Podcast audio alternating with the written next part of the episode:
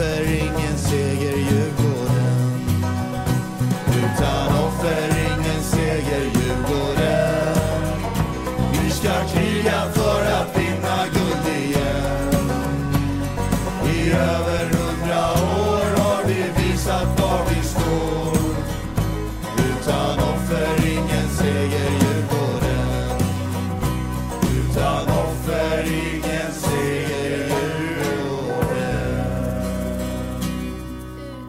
Under 00-talets tidigare del så började mitt egna supporterskap ta fart på riktigt. Jag fick uppleva gemenskapen och atmosfären på en ståplatsläktare och jag älskade det. Det jag också fick uppleva under dessa år var att den största rivalen totalt dominerade svensk fotboll. Källström, Elmander, Isaksson, Ren. Sug på de namnen för en stund. Dessa fyra spelade allihopa i Djurgården. Under tidigt 00-tal var DIF för svensk fotboll, vad MFF är idag, en dominant. Man lyckades plocka tre SM-guld på fyra år mellan 02 och 04 och skeppade folk utomlands och senare till landslaget. Har du varit aktiv kring DIF de senaste decennierna så har du garanterat hört dagens gästs namn. Så fort jag pratade med vänner som är DIF om denna podd så sa allihopa att du måste ha med JG. Så med det sagt så säger jag supervälkommen till dig. Stort tack. Hur är läget? Det är bra, fast nu har det varit eh, väldigt bra väder ett tag så här, och så kom jag till dig nu och då är det blåst och nästan snö och runt nollan så det var skönt att komma in här. Ja, äh, in i, in i eh, värmen sådär. Eh, jag tänkte, jag vill först och främst att du, du berättar lite om dig själv, lite kort om vem du är och sen lite längre om din supporterresa. Absolut. Jag är eh, 49, eh, snart 50 år och eh, jag har varit djurgårdare sen, jag är född djurgårdare och eh, var medlem sen jag föddes. Okej. Utav min far. Eh, på lite en annan ort från början. På något vis så är det så här, de som är födda i min årskull om man säger, eller tidigare vet ju hur det var med, på den tiden med allt från åka resor med kanske med tåg, hur, hur man skulle göra med telefon, hur det funkade då till skillnad från det idag. Mm. Hur enkelt allting sköts idag via ja, men nätet, eh, allting. Förr var det på ett helt annat sätt. Vi reser med kontakta folk, med det var möten som gällde och sådär. Så att eh, det var en Mhm. helt annan era och men eh, Djurgården har varit som en, en stor, en jättestor del från direkt. Det var någonting som bara, det där märket, skölden. Och eh, det har fortsatt än idag. Min, mitt engagemang för Djurgården och supporterlivet har alltid haft en väldigt stor del. Jo, men det, det, det är precis det som jag har förstått och som jag sa där i introt att när de vänner jag har som är, är liksom djurgårdare, det är flera oberoende av varandra som har tipsat om att du ska sitta här. Så jag är jäkligt glad att vi har, har fått till det sådär. Och vi ska ju prata om DIVs 00-tal idag. Eh, vad är din, här, om du tittar tillbaka på, på 00-talet, vad är din spontana reaktion då? Då var det ju en, alltså den eran var ju fylld av vinnarkul, vinnarkultur och vinnarmentalitet. Som tyvärr, sen jag började följa Djurgården så var det ju inte alltid så. Mm, mm. Eh, framförallt inte i fotbollen utan det var väl hockeyn om man säger, ja, de vann lite guld här och där. Men fotbollen har alltid varit, det var allt från division 2, sen var det superettan och så var det allsvenskan och så var det superettan. Men två, no, eller från 00 där och framåt så var det ju, som du sa i början där, SM-guld, spelare som ville någonting. Som, som jag saknar sjukt mycket idag. Även om vi vann guld förra året så saknar den här äh, proffsmentaliteten. Att vi inte bara vinna guld och sen vara nöjd med det. Mm. Utan de ville vidare. De var ju inte nöjda. De vann ju svenska, först vann de guld, sen vann de Svenska kuppen. Sen vinner man guld igen och näst, ja, tror Svenska kuppen igen. Ut och bli proffs. Skillnad. Nej, alltså jag, jag kommer ju ihåg, och det, det som blir intressant eh, också, alltså för mig i just det här avsnittet från andra hållet är att här är ju jag ung tonåring under de här guldåren och till och med innan jag ens blev tonåring och det var, det var tufft på riktigt och liksom eh, börja hävda sig i skolan som aik när, när Djurgården hade det laget och man vann och man, var- man var ju verkligen helt, eh, ja men man var helt överlägsna och vilka spelare som, eh, vilka namn som fanns i den truppen. Jag har kollat lite på, på klipp från 2002, 2003. Bara se Johan Elmander på en fotbollsplan i, i Sverige och hur jäkla överlägsen han var är eh, förbannat häftigt. Eh, även för mig som AIK och sådär. Men om, om, man tar, om man tar avstamp 0-0, det är, är det, det är första året Djurgården vinner alltså näst högsta 99 och är i Allsvenskan 0-0 första. Ja, att, eh, 0-0 går de ju upp. Ja just det, så blir det. 0-0, 0-0 vinner de näst högsta Ja. och då kliver de upp. Så att egentligen första året i, i Allsvenskan då blir 2001 och där, redan där, första året som nykomling så, så går man ju som tåget liksom. Hur var känslan då att vara uppe och, och, och tampas igen liksom med i toppen i, egentligen av svensk fotboll? Det var, det var jäkligt grymt. Det var ju samma veva som 2000 var ju också EM. Så helt plötsligt hade supporterkulturen hade växt till sig ännu mer. För det var ju väldigt mycket svenska supportrar till exempel nere i, då i Holland och Ja. även i Bryssel och sådär. Och på något vis så hade ju Djurgården, AIK och Hammarby i slutet av 90-talet, fram- ah, supportrarna pratar vi om Ja, ja. fått igång det här um, massmediadrevet. Liksom. Derbyna helt plötsligt blev eh, grymma. ja, tidningarna skriver om det tre dagar innan, eller en vecka innan, att nu, nu är det dags liksom. Ja, det var helt galet. Och då, det, någonstans det tog vi med oss och sen så när Djurgården gick upp och Djurgården hade de spelarna, så när jag kände där att eh, vi gick upp 2000 och sen då året vi kommer tvåa, Mm. då var vi jättenära att ta guldet även då. Men jag, jag kände väl att bara få hem Stefan Rehn och massa andra spelare som vi hade, man, man, man, man kände att vi är på uppbyggnad, vi är, har någonting på gång och Mm. vår resa som supportrar, att få följa med det från början, superettan. För det var ändå så att det var ju superettan i slutet av 90-talet, allsvenskan och så åkte man ur igen. Mm. Och så vart det superettan och sen gick vi tillbaka och då började det bli stabilitet. Ja, alltså det, det som är och det man inte får glömma, eh, många som lyssnar på den här podden är lite yngre, men alltså, har man tittat på Djurgården på, liksom, på den här sidan av millennieskiftet så, så är ju liksom, man är van att Djurgården är en toppklubb och allt är med, men Eh, så på andra sidan 90-talet och sådär, Djurgården var ju en jojo, man åkte upp och ner i, i, i seriesystemet och, och, och gick tungt under många år sådär. Men så har vi ju som sagt, 00-talet tickar in, 2001 är ju ett jätteudda år på, på många sätt. Hammarby vinner sitt första guld, Djurgården 2, AIK 3. Pratar om det här i ett annat avsnitt, att det har hänt att tre, alltså topp tre i allsvenskan kommer från samma stad, har hänt en gång innan. Och det var typ så här 53 nere i Göteborg eller någonting sånt. Så att Stockholmsfotbollen glödde ju verkligen och jag tror att mycket av det hjälpte ju att boosta liksom supporterkulturen i och med att alla tre klubbarna gick så jäkla bra. Alltså derbymatcherna, eh, ja, tidigt 0-0, det var, det var inget skämt alltså på, på Råsunda sådär. Så 0-1 är man tvåa överraskande.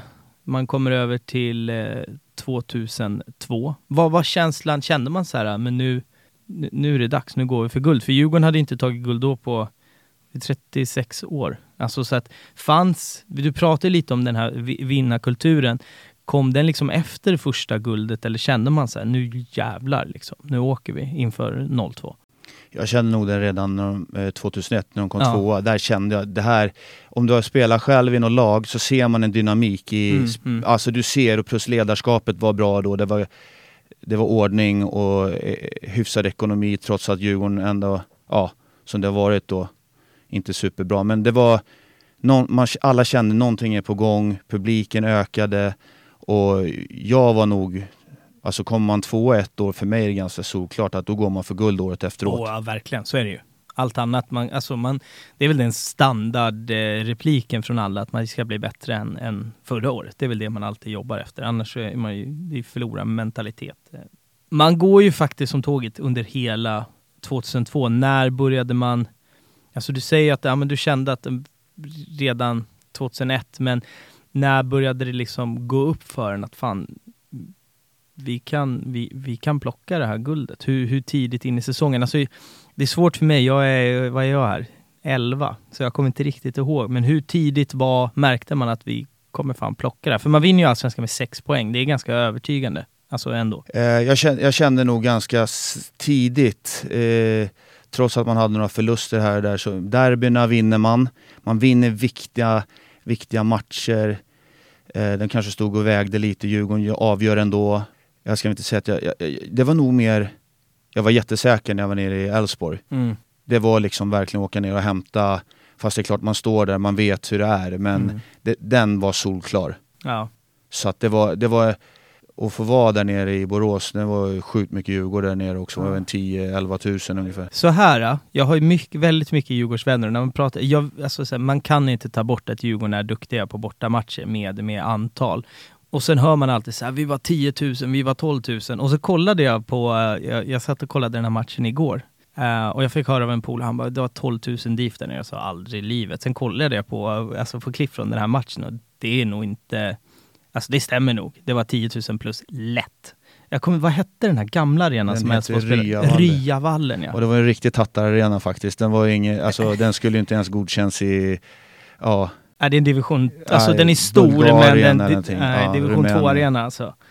Men det var, det var, det var sjukt mycket som åkte ner då. Det var ju säkert en jätte eh, äldre generation också som längtade Mm. efter den, från, som kanske eventuellt var småbarn på det första guld, eller det, det guldet som Mm. Djurgården tog sent i 60-talet. För jag tänker, du är ju ändå, om du är 49 idag så du, då borde du varit eh, runt 30 vid det här läget Mm, ändå. Mm.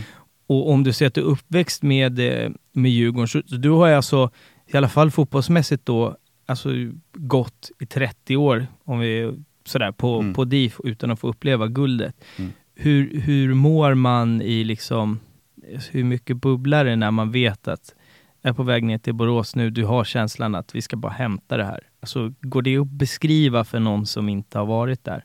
Självklart måste man uppleva en sån, sån sak. Men den är, den, är, den är skön från första stund du sätter dig. Jag tror vi, vi, vi var ett gäng som åkte minibuss ner så det var ju väldigt schyssta kläder på. För Mm. vi visste att vi skulle vidare sen. Då hinner man inte åka hem och byta om utan det var eh, kostymaktigt fast ändå gammal hedlig halsduk som alltid måste vara med och segercigarrer och sådär. Men den, den känslan i kroppen är, alltså den är ung, nästan som att, om man, om man föder ett barn, eller Mm. jag föder ingen barn, man blir farsa, om vi säger, man blir farsa.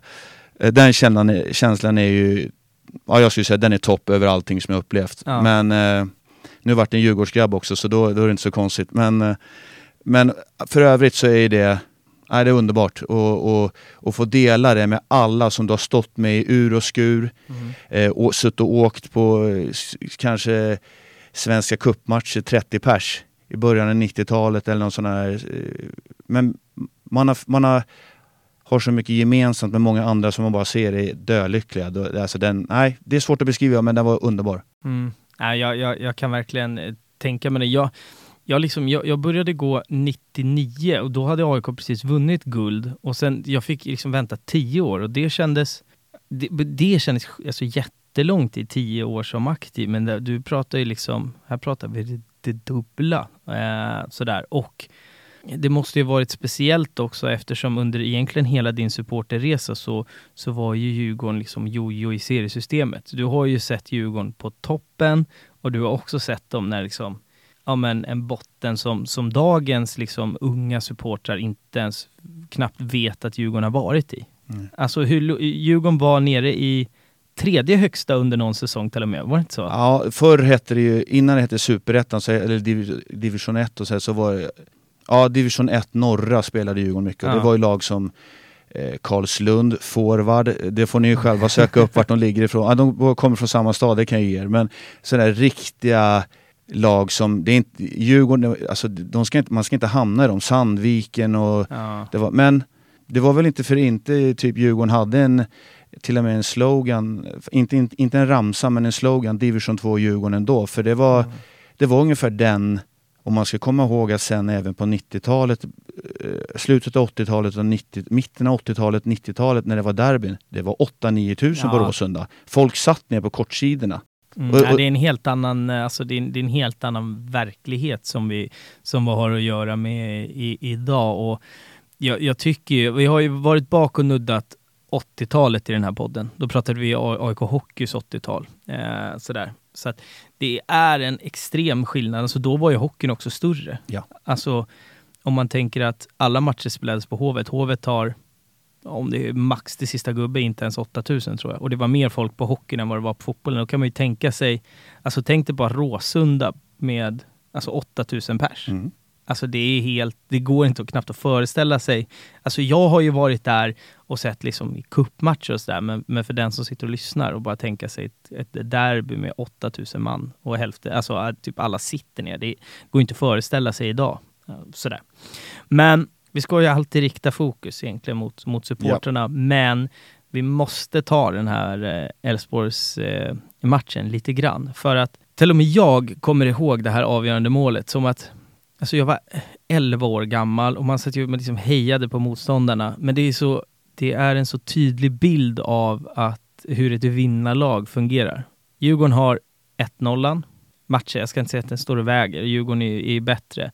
Men eh, en lite bortglömd spelare som jag kollade på inför för att, för att kunna eh, liksom backa upp det här surret. Jag kollade Djurgårdens årskrönika 2003. Alltså Babis Stefanidis. Yep. Satan vad bra han var. Ja. Han får bollen i straffområdet, felvänd ryggen mot målet och drar en klacktunnel som fotbollen idag så händer det. Fotbollen då, det var inga klackar och överstegsfinter. Det fanns Nej. inte 2002. Men han hittade den och gör en klacktunnel och snurrar bort Elfsborgs vänsterback. Han sitter nog fortfarande mm. på Ryavallen och käkar mm. korv tror jag. Spelar in om man har 2-0, ja. definitivt stänger matchen. Ja. Hur, hur mådde du då? Då fattar man ju självklart att det, det där är ju så solklart. För som sagt, har man varit med och sett mycket fotboll och sånt där så vet man ju att 1-0 är skört oavsett hur, hur säkert det är. Och Elfsborg hade i det här tror jag läget ingenting att spela för. Jag för mig det. Nej, jag tror de, de var, de, Det var ingenmansland. Men 2-0, då är det självklart, då är det bara... Då, alltså det blir man tapp, kan liksom tappar, tända segercigarren ja, redan ja, då. Ja, ja, och du tappar fokus och helt plötsligt så kommer det fram eh, ja men det blir ju bara kramkalas och sen ska Djurgården vara där och fixa med Ja, se till nu så ingen springer in och grejer. Vi, det, vad vill man göra? Man vill springa in och krama mm, mm. spelarna som har, man är delaktig i det här. Och det var väl lite så på den tiden att det, det var de planstormningarna som har varit de senaste åren, eller ja, senaste decennierna man ska säga, när man har vunnit någonting, så var det inte riktigt då. Nej. För det var ju så jäkla mycket med det här Svenska Fotbollförbundet och böter och hit och dit och då, okej, okay, ni får gå ut om eh, tio minuter, då får ni hylla dem. Så att det var... Man väntade väl typ tills eh, alltså, fotbollsförbundet typ hade lämnat arenan för att ja. allt var klart. Då kunde man kliva in. Ja. Det var inte som slutsignalen, alltså sådär som det är nej, i, i, i, dagsläget. Men Djurgården har då sitt första SM-guld på 36 år. Eh, jag gissar på att den festen höll på x antal dagar. Men jag vet inte, du får rätta mig om jag har fel här, men typ en vecka efter guldet så har Djurgården också tagit sig till cupfinal. Ja. Motståndarna är, är AIK. Ja. Det spelas på Råsunda som alla derbyn gjorde då. Det, det jag kommer ihåg från den matchen eh, är ett, jag, det var ett jäkligt snygga tifon, alltså läktarinramningen mm. var otrolig. Alltså jag, jag som AIK här kan bli avundsjuk och få stå och, och, och stå en match och spela mot Djurgården och få sjunga att vi har tagit SM-guld en hel match. Alltså det är som att stå och peka ett långfinger mot motståndarklacken i, i, i 90 plus. Hur, hur var det? Bara en så, som man börjar där. Redan där har du ju liksom ett segervapen, även om Gnaget skulle vinna. Så är, mm. så är ju guldet är värt mer än Svenska cupen. Ja, det spelar ingen roll om... Nej. Alltså, sådär. Så att det var, det är, jag kan, jag, det, det, absolut, du kan ju stå och sjunga hela matchen och det, det känns underbart. Mm. Och det, det kan ju säga så här, så ofta har inte det hänt. Det kom, men, men det var, vi hade ju turen att få möta AIK i, no, i två olika derbyn i Svenska Cupen egentligen, som blev ganska heta, mm. både på läktaren och på på plan och jämna och det här var ju också jämnt. Mm. Det var ju ett, det var väl övertid, var det inte det? Eh, eller slutminuten eller någonting? Nej, det är övertid. Jag tror ja. att det är så 118 minuter. 90, ja. ja. alltså det som, det, man, det som är så sjukt, jag, jag nämnde ju det tidigare bara i förbifarten, eh, Johan Elmander. Det, det, var ju golden goal också på den här just tiden, det, vilket, det, är, goal, eh, vilket är helt fantastiskt. Ja. På, på, ett sätt, jag fattar att man tog bort golden goal, men det finns en jäkla spänning i golden mm. goal som mm. fan, den kan man inte ta bort. Men alltså, jag tror Johan Elmander får bollen på så här, alltså AIKs planhalva, mitt alltså mitten av mm. AIKs planhalva och bara sätter fart. Alltså, och du vet, för varje steg han tar så går det fortare och fortare och fortare och fortare. Och AIK har någon vänsterback, jag kommer inte ihåg vem det är som lirar, men som liksom ska sätta fart och ta upp den här ja. kampen och ja. blir så söndersprungen här så att det är, alltså, det är löjligt vad han springer sönder AIKs vänsterback, rundar honom, Eh, och slår in den... Eh. Ja, slår in den på Luloshanko som, eh, som stänger den. Jag var inte där, jag var lite för, för ung då, men jag kan bara tänka mig, alltså man har fått stått i... Man har vunnit guld, man har fått stått och pissa på ärkerivalerna i inte ens bara 90 minuter, det är 120 minuter man har fått stått och bara liksom sjunga att vi är den svenska mästare. Man har ju absolut ingenting att förlora i den här matchen. Torskar man så har man ändå vunnit guld, precis som du säger. Och sen få, få plocka cupguldet också. Ja. Alltså man måste ju man måste ju ha gått från, från Råsunda och varit 2,20 lång liksom. Och alltså... det, det, jag skulle säga att det är som, jag, jag kommer inte ens ihåg hur man firar det där. För att det är töcken, det blir, det är klart att vi firar men alltså det är så sjukt osant att det blir en sån fi, att man får spela mot en, en sån match. Mm. Mot ärkerival. Vi vinner dessutom ja, två helger i rad som är magiska. Det, ja, det är egentligen det, det, i Skandinavien. Du kan inte önska dig mer. Nej, nej.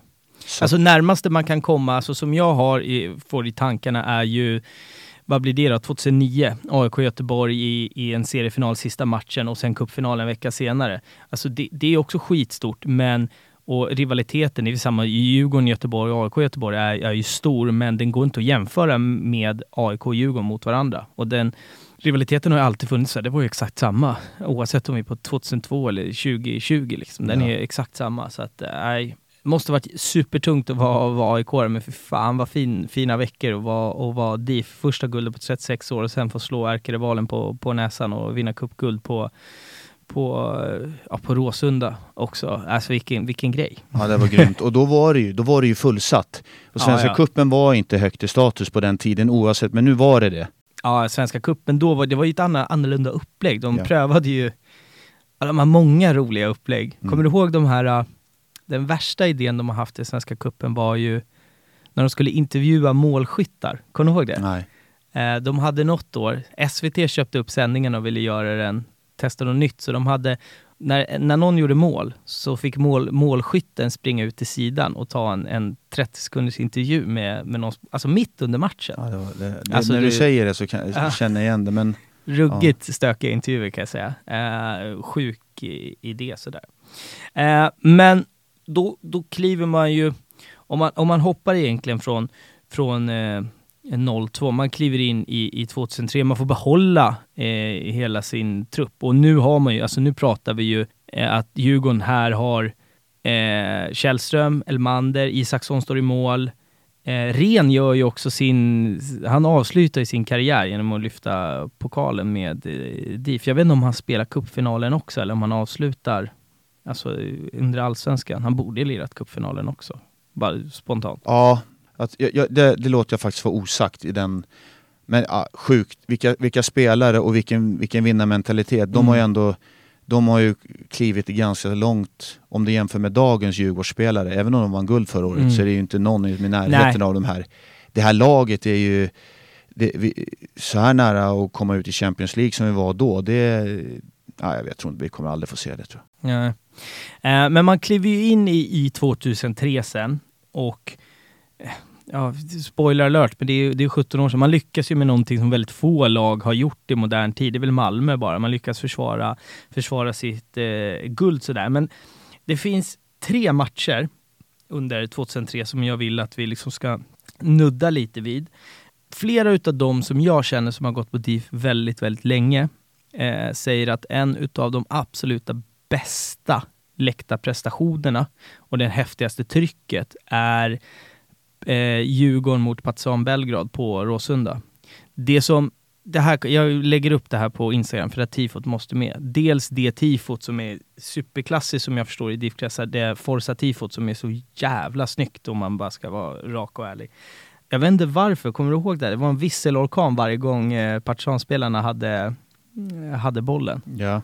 Uh, alltså ber berätta om den matchen, för att stämmer det, alltså du som har gått på DIF så länge, många säger att det här, det är få gånger under alla år som DIF har haft sånt här överjävligt tryck. Håller du med om det? Jag skulle säga det. Först måste man alltid komma ihåg att eh, Stockholms stadion och Råsunda kan man inte jämföra med när det gäller stämning. Nej. Så att stadion har, får man ändå säga, genom alla år jag har gått så är det kanske fem, tio matcher du kan lägga in en hög kategori. Mm. Men det här, Råsunda med ja, det var väl inte 30 men det var i alla fall en 25, 26, 26 tror jag det kan Ja, ha varit. Något sånt där. Men det var helt magiskt. Eh, det var elektricitet, det var hat, eh, vilket var berättigat för att eh, vi var ju nere i Partisan innan ju. Mm. Och Ja, där- vi kommer komma dit sen. Okej. Eh, Och det, mycket, mycket bottnar i det. Ja, okej, okej. Att, att det var så hett. Eh, för vi blev mötta jävligt hårt där nere och sådär.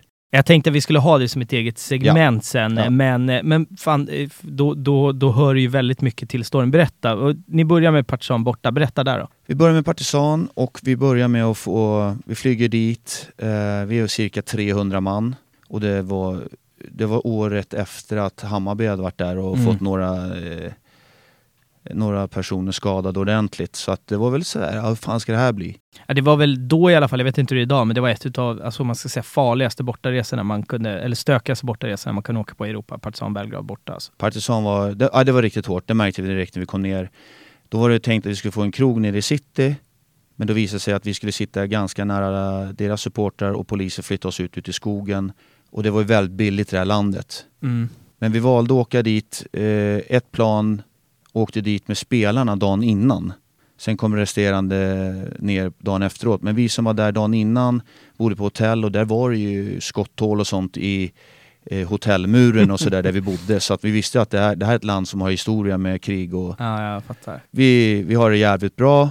Vi, det var ju lugnt för alla oss som gick ut på stan på, på kvällen där och det var fest och allting. Sen på matchdagen då, då, då var det, vi blir, sitter på den här krogen ute, ja kan, det känns som i skogen i alla fall, det var, Ja. det, det var precis utanför stan.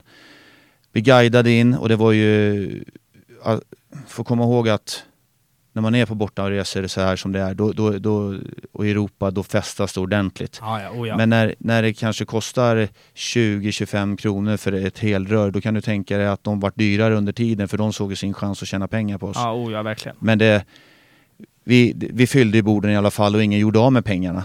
Så det var ju bara där. Men vi kommer ner till eh, en gång, vi släpps av vid en stor, stor väg och sen så har vi arenan nere, går ner en gångväg och då står de på båda sidor. Det är skära halsen-tecken och det, det är inte på skoj. Alltså de, är, de, de här menar allvar. Vilket eh, för en del tyckte var jobbigt. Jag, jag, jag, jag får väl säga att jag går väl igång på sånt där lite Mm. grann. Men man kom ner, går ner för follan, in på arenan och då har vi en liten tårtbit till oss. Eh, Ganska brant läktare och sen så är det, ska jag säga, en meters höga staket på båda sidor.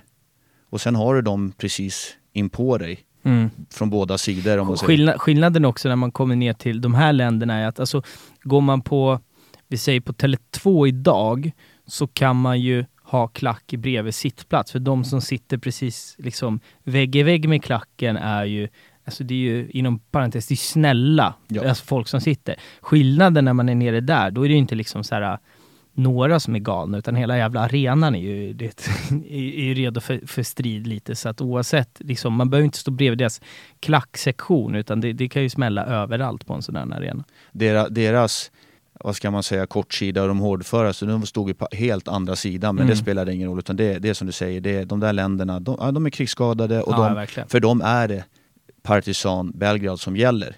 Och det är inget konstigt i det, det är väl så det ska vara tycker jag. Men eh, att få med sig då 1-1, ligga under med 1-0 och göra 1-1 där borta. Mm. Och, eh, det var ju Makondele som gjorde det, han var ju svart också.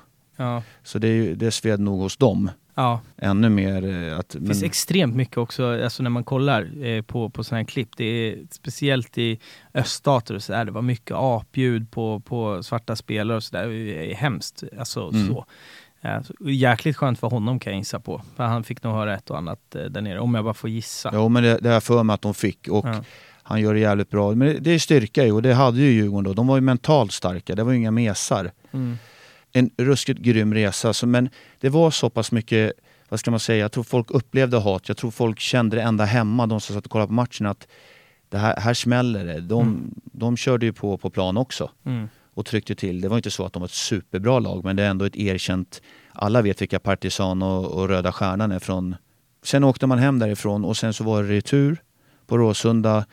Det vi var inne då, från, där vi började med att det var visselkonsert och så fort de var i närheten, gjorde mål, jublade någonting, då var det, då var det öl, fulla ölmuggar de fick på sig och det var Stenmans eh, långfinger ner mot deras kortsida. Och det, det var en sån match. Ja det är verkligen, alltså, jag kollade ju på, på klipp från den här matchen och man kan verkligen känna att det är så här, Alltså det är värre än en derbystämning. Alltså mm. spelarna internt kan ju också bli så griniga på varandra när det är derby, men det här var något helt annat. Det kändes som att fan, ja men de kunde ha haft liksom 20-20 box i spelartunneln. De, alltså det var verkligen den stämningen och det var uppretat och arg stämning. Jag älskar ju den stämningen, så ja. vill jag att det ska vara. Liksom. Ja. Så att, en sjuk, sjukt häftig, häftig match. Så, Ja, den visselorkanen, det är inte bara ståplats som står och visslar. Alltså, fy satan vad det låter. Mm. alltså, det, mm.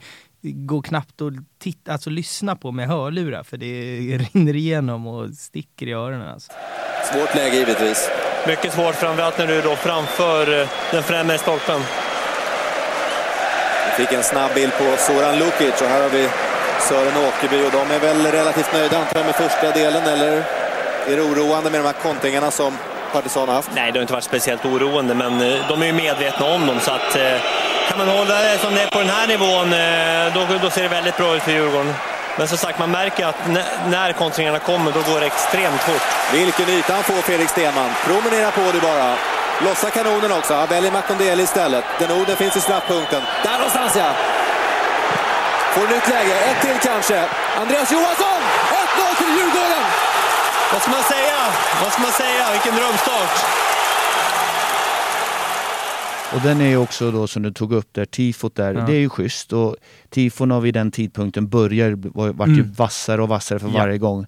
Men det är lite roligt då hur, vad jag tycker, dåligt pålästa de här kommentatorerna är. För vi har ju en, eh, vår kortsida är ju for, blå och så Forza och så är det ju en röd stjärna mm. med ju, eh, gu, eller gult ytterkant på. Ja, så det blir ju gulrött blått. Men Forza röda stjärnan. Ja, Förstår du vad jag menar? Ja, ja, ja. Det är ju ett hån mot dem, men det, det, kommentatorerna bara, de, kö, de förstår inte sånt där. Nej, nej. nej det, det, det, det kommer jag lägga upp. Det kommer finnas på um, Akta Fans eh, podcast på, på Twitter och Instagram. Det är grymt tifo och det pratas ju om än idag. Det är ett av de snyggaste tifona skulle jag säga som har presterats i Sverige. Det är inte, alltså, jag vet inte om det var flagga eller ark, men det är inte ett ark eller flagga fel på hela läktaren. Den är. Mm. Det finns en annan match som är, som är intressant här, alltså under samma år. Vi har, vi har två matcher som, som sagt. Först så, jag tror att det här är 2003. Det är återigen kuppen mot AIK som spelas på Stadion. Ja. Jag vet inte om du har svar på frågan, men spelas den på Stadion för att det är kuppen och mindre, alltså mindre tryck? Eller ja. för att man fick ju inte, vad jag minns i alla fall, så fick inte därmed spelas på Stadion eller Söderstaden på grund av alltså det, det polisiära. Alltså så. Det är så som jag, det är min sanning. Men så helt plötsligt så gjorde man det, vilket var jättekonstigt. Så vad, vad kommer du ihåg därifrån? Ja, men det var som du sa, jag tror att faktiskt Djurgården fick lite dispens på grund av att eh, de, de, de, fick inte spela på grund av säkerhet och det är allt från belysning, hej och hå. Djurgården bestridde väl det många år. Men för Djurgården var ju på Råsunda också och spelade några år. Eh, just det, vi, vi kommer hamna där, eh, där också faktiskt. Ja, men så i det här fallet så var, alltså den här matchen var ju, nu fick ju AIK, AIKs supportrar åka till in till stan och gå på en bortamatch. Vilket, då är det ju hardcore som åker dit. Ja, ja verkligen. Kortsidan där på stadion är inte den bästa hästskon där. Den är, den är, eller den ena, vad heter det? bort från, inte Vallala-kurvan utan den andra mitt emot. den är bedrövlig att stå på. Ja, den är, alltså, för, för de som inte har varit där, det är, alltså, jag har varit på mycket bortaresor i mina dagar. Det där är mm. bland den sämsta bortaläktaren som, alltså, som jag har stått på. Alltså. Ja. Ja, den och, den och Trelleborg, går, alltså jag, jag kan förstå, nu stod, behöver inte vi aldrig stå där, men, men, men eh, oavsett så, den här matchen var ju en uppladdning jävligt tidigt. Eh, jag vet ju att eh, båda ligorna var ju sjukt många och var jättenära varandra. AIKs var på Kungsgatan och Djurgårdens var mm. nere då fanns nere, precis nere vid Stureplan fanns det två olika pubbar som var fullsmockade och folk det här var också en sån här match som egentligen, egentligen hade kunnat fyllt stadion. Den var faktiskt inte fylld till bristningsgränsen även om Djurgården hade, på grund av säkerhet så har mm. du en viss marginal. Precis som du har idag på Tele2 och sådär lite. Men det var ju hets innan otroligt, eh, polisiärt. Det var gångvägen upp till Vallhalla, eller upp till, ja, till Vallhallavägen och upp till våra väntkors som man säger. Det, det, det, det, där kan man ta på. Det där var pure det var riktigt hat faktiskt. Det var... Det finns mycket bilder från den här matchen. Jag tror att det är så här. För er som har lyssnat på podden hela vägen så, och, och, och följer podden på Instagram så har jag lagt upp ett klipp när vi pratade nu ska vi se, AIK Fotboll 00. Eh, så den intervjun som eh, min pappa gör, där är det lite matchklipp innan den intervjun och det är från den här matchen. Jag, jag hade börjat gå på, vi gick på en, alltså, jättemycket matcher då och sen frågade jag farsan, ska vi gå? Liksom som vanligt. Han sa nej, nej, nej, nej. Här får du, den här matchen får du, jag kan inte ta med dig liksom. Och det kan jag förstå i efterhand. Det finns ju bilder av, liksom på, på AIK-klacken, man står och river sönder allt och kastar prylar. Det var riktigt så här stökigt. För jag, jag, alltså jag kan bara tänka mig att som, alltså jag vet när Tele2 kom, att det var, så här, det var en, en jättehärlig känsla för att gå på bortaderby där man inte riktigt var välkommen. Jag tror att för, för alltså att vara djurgårdare så kändes det väl skönt att så här, välkomna hem till oss. Här, här hör ni inte hemma och det, det ska ni fan veta eh, när ni kommer till, till våra krokar. Liksom. Jag kan tänka mig att det var en sån atmosfär, eller? Det var det. Mm. Det var verkligen så här, vi ska skydda stadion, är, eller Stockholms stad var vår och det var ja, så mycket folk som slöt upp den dagen, det tror jag aldrig faktiskt Djurgården har haft. Ja, kanske på senare tid på något, på något men det var, då var det man ur hus och det, man märkte att det här är speciellt. Mm. Det här är ingen, det här är som en, eh, jag skulle säga så här, typ lite Millwall West Ham 90-tal, där det var en mörk kväll.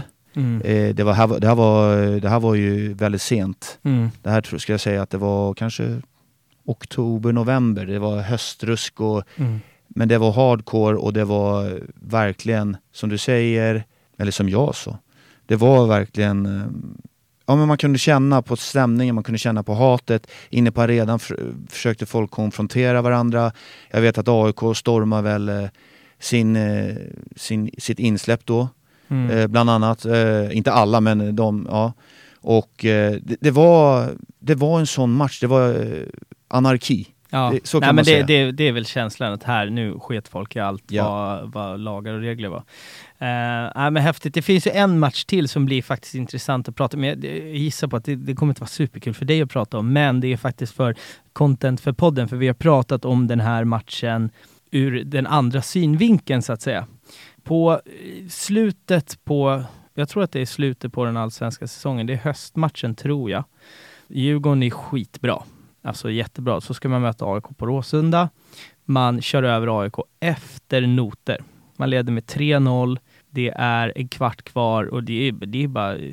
Alltså, Djurgården har ju bara... Det är som att det skiljer två divisioner, men så händer det någonting sista kvarten där.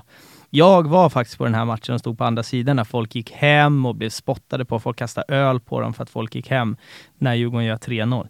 Hur var känslan på Alltså på andra sidan. För att jag, jag frågade om den här matchen, jag pratade med, om den här matchen med min farsa nämligen. Och det blir kul att höra för, för poddlyssnarna hur det var att stå och se 3-1, 3-2 och sen 3-3 i 91. Vad känner man då? Det där är ju en av de vidrigaste... Alltså derbyn totalt är ju, har vi ju inte så bra statistik mot Gnaget oavsett vad det Nej, har varit. nej. Eh, Så där har alltid Gnaget eh, dragit strået vassare oftast. Men att var, för Djurgården var så jäkla bra då så den, var- den var så storklar den här matchen. Och jag kommer ihåg att vi var, den där matchen eh, så stod vi på övre sektionen på södra. Ja, det var ju bra drag och allting och man såg Gnaget börja gå hem efter 3-0 och, och det, det, det, alltså det är så kort tid kvar. Det där är osant att det händer. Ja, ja verkligen. Men vi var, jag tror vi var en 60-70 man som, nej fan nu visar vi röven mot dem för, och så gjorde vi det. Mm. Vi körde eh, och då, att visa röven i det läget, 3-0, det är skönt. Ja, Men det var inte så skönt när det blev 3-3 sen. nej. Så att, Det är tur då att inte sociala medier och så vidare fanns. Fattar ni när jag hade fått käka om typ så Instagram och Twitter fanns då? Satan du. exakt. Eh, den, den, den är helt sjuk. Det enda man kan, när jag gick därifrån så, och även dagen efteråt så, så, här, så när man pratar med några, ja, men de, det, det som räddade den, den matchen tror jag de flesta kände var att de flesta gnagarna som man kände, Mm. de, var, de såg inte vändningen. Nej. De såg inte kvitteringen. Så de kan inte, då, då kan man inte riktigt komma och säga, hörru, vad hände igår? Ja men, var du kvar? Ja. För du var inte delaktig. Så har jag känt hela mitt liv. Ja. Och det vet du själv när du har besserwisser både från landsort och som tycker det är roligt att slå till, eller eh, köra över gnag, eller vinna över Gnaget eller Mm. Djurgården. någonting. Både hockey och fotboll. Ja, hur gick det igår? Men de var inte där. Nej, och då kan Och de man inte inte... förs- det de är de inte- värsta att diskutera med. De har inte förstått vad det handlar om. Och, så att eh, det var väl räddningen i det här fallet att de flesta Gnaget hade gått hem. Ja, det kan jag köpa. Ja. Alltså det, den, Med det vidrig rimlig- känsla. Ja.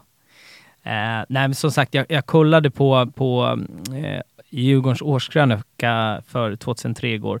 Två saker som jag la märke till, förutom att Djurgården är eh, alltså, läskigt jävla bra. Och det är precis som du säger, den här vinnarmentaliteten finns där. Det första jag lägger märke till är att Idag så kan jag vara lite mer så opartisk och mer objektiv när man pratar. Det är bara att du, du och jag sitter och, jag sitter och liksom pratar om hur bra Djurgården var. Det visar ju att någonstans att man har kommit lite längre. Det kunde jag inte göra när jag var 12 kan jag säga. nej. Och när alla Djurgårdare sa att Kim Källström är bäst i världen så sa man nej, det är han inte alls det. Men alltså, jag kollar på den här årskrönikan. Satan vad överlägsen han var. Alltså det var som att släppa in, fan vet jag, alltså en världsmittfältare som var helt plötsligt spelade. Han gjorde vad han ville. Ja. Han, var, alltså han var helt överlägsen. Det är sjukt vad bra han var. En annan rolig grej som är, alltså att det här, att det inte lever med och hånas mer om. Det är Jesper Blomqvist som värvas in. Vad, vad, vad tänker jag på nu? Vad skrattar jag åt med Jesper Blomqvist här? Ja, det är, jag skrattade åt när han sprang med tröjan. Han gillade långärmat, jag sprang runt och sen så hade han väl, om det var, är det öronen du tänker Nej, på? jag tänker på att han har rastaflätor. när Ja, ja, när hade han det då? Ja, Ja, det kanske han han- hade ja. Han signas till Djurgården, alltså Jesper Blomqvist signas till Djurgården med rastaflätor 2003. Det, är, alltså, det skriker ju 30 eller 40-årskris så långa vägar så att det är helt otroligt. Ja, men det stämmer nog. Men jag tänkte nog mer på att han sprang runt och fjompade med sina, stoppa in arm, händerna innanför, du vet, när, som när man fryser. Ah, ah, ja, springer ja. runt, vet, det är så omanligt. Ja. Junior i Hammarby gör ju det idag. Okej, Alltså, och jag, jag, ibland. Och det, då klarar man inte av att titta på det. Nej. Då, då skäms. Ja, nej men eh, fantastisk eh, säsong och eh, Djurgården är bara, de har två år där de är helt jävla överlägsna kort sagt. Jag tänker att vi, vi kommer ju hoppa, vi har ju ett guldår kvar och sådär, men jag tänker att innan vi, innan vi kommer dit så att säga, så, så tänker jag att det- det blir ju i och med att man går så bra 2001, 2002, 2003 så, så blir det ju en jäkla massa Europakval och, och så vidare med en, en väldans massa häftiga matcher. Som jag har förstått så åkte du på allt. Ja, Jag har ju några matcher som, som jag har skrivit och pratat lite med Djurgårdspolare och de har ju nämnt Shamrock, ja. som inte på pappret låter som, alltså det motståndet i sig, jaha, men resan där ska ha varit något utöver det vanliga. Varför då om man tänker motståndsmässigt? Eh, motståndsmässigt är det nog bara för att det var Irland framför allt. Ja. Och sen så ändå finns det lite så här eh, spännande med både Irland, det finns med engelsk fotbollskultur. Den har alltid varit stor brittisk fotbollskultur i Djurgården. Det Ja, där- tänkte, det, det kommer vi faktiskt också landa lite i, Ja. i senare sådär. Men eh, att komma till Irland då som är, dels det är ju väldigt nära, det är en och en halv, två timmar med flyg. Och eh, riktigt, alltså Dublin är ju en fantastisk grym stad oavsett om du ska kolla på fotboll eller inte. Men att Shamrock, det är klart att inte, inte så många kände till det där. Ja. Men, men åka dit några dagar innan, var där da, några dagar efteråt och bara det, jag, jag tror vi var 1700 exakt som åkte då med massa plan, olika tider och sådär. Och det var de, den stämningen som var på puben och det, det hur vi bemöttes. Mm. Vi bemöttes jävligt bra och de har ju, nu ska vi se, de har nog tre lag, men det, framförallt två lag som är rivaler och det är Shamrock, Rovers och Bohemians. Mm. Så Bohemians anslöt sig till oss lite grann. Och eh, det vart lite hets och sådana där grejer, lite olika tidpunkter. Men att vara på de här pubbarna och köra det man själv tyckte var så coolt när man åkte på 80 och början av 90-talet. Alla, må- vi åkte jättestora gäng över till England för just få den atmosfären som var då. Mm, mm. Den finns ju inte längre i England på det sättet. Nej. Den är helt... Så det är svårt att återge här i podden. Men det var magiskt med alla kläder, eh, hur London till exempel såg ut och hur Manchester, eh, olika ställen. Men Dublin, och vara där inne på pubbarna och, och bara fyllas med djurgårdare eh, vart man än var. Det var blårandigt, det var, eh, det var, det var grymt. Och så Mm. matchdagen på en sån arena. Jag tror man, riktigt klassisk gammal... Eh, Ja, jag tror den heter Tolka Park. Och den låg mitt i ett bostadsområde. Den bara dyker upp. Mm. Eh, nu står ju vi om man, man kan googla på matchen, men jag har hela matchen på en... eh, Jag fick den på en CD då som var inspelad. Mm. Eller DVD. Då står ju vi tyvärr på långsidan där matchen spelas in. Ah, men okej. utan komment- kommentator. Men det, det, det, är en, det skulle jag säga är en av topp- våra topp tre sångmässigt, som supportermässigt, hur, hur, hur ra- ramsor sjungs. Mm. De ramsorna skulle jag vilja att folk än idag gick in för att anamma, för det har ändrats. Mm. Eh, och jag gillar ju det gamla som var, även om jag gillar det nya också så mycket. Men hur, ja, det var fantastiskt, det var grymt. Eh, Jag kan ju tänka mig bara att jag vet ju, vi, som sagt vi kommer nudda vid det också, den här uh, hur, eh, hur DIF är, jag vet inte om man säger, ang anglofil är väl det uttrycket när Mm. man älskar älskar eh, Eng- England mycket och den kulturen. Vi kommer landa där också lite grann eh, senare. Men vi har ju också, ni möter Juventus, eller hur? Ja. Den matchen, en, en till sak som är intressant är att Juventus åker ju sen efter några år på en mutskandal och blir degraderade och grejer. Och eh, en av de matcherna där jag har konstaterat att domaren är faktiskt mutad, på riktigt domaren är mutad, är ju mot Djurgården. Vet inte om, om Djurgården hade alltså, vunnit dem om inte domaren var mutad nere i Italien, men det, det, det lämnar vi. Men hur var det, vad Juventus är, nu ska vi se, vad är det för arena de spelar på? Då hette den Del Alpi. Del Alpi. Men de har nog ändrat, de, de bytte ju nu, Mm. eller för några år sedan. Och det här är ju, idag så är ju Juventus en, alltså det är mycket jippo, men eh, inte då. Liksom. Hur var känslan att få bränna ner till Italien? För att personligen, jag, jag är mycket mer för, skulle jag gå på fotboll så, så, så skulle jag mycket hellre gå i Italien än att gå i England till exempel. Hur var skillnaden att komma ner dit när man har liksom... Ja men den här matchen var lite speciell på grund av att eh, Juven, det, det visste vi, Juventus är ju lite folkets lag, lite så här Mm, Hammarby-stuk. Kommer lite här och från men så det var ju sagt att äh, de, har, en- de har en sån här äh, lovhelg så alla sticker ifrån Turin. Ja, Så det är inte säkert att ni kommer ha så mycket folk och då börjar man känna, "Nej, men vad fan, då blir det inte på riktigt och då kanske det kommer bli så här. Men då var det ändå runt 25 000 på den här matchen. Mm. Och eh, vi åker, vi åker fem plan, åker ner. Vi är på en bargata där och mitt emot den baren vi har, som är main bar, Mm. där har råkat de ha, eh, vad heter det, uppladdning.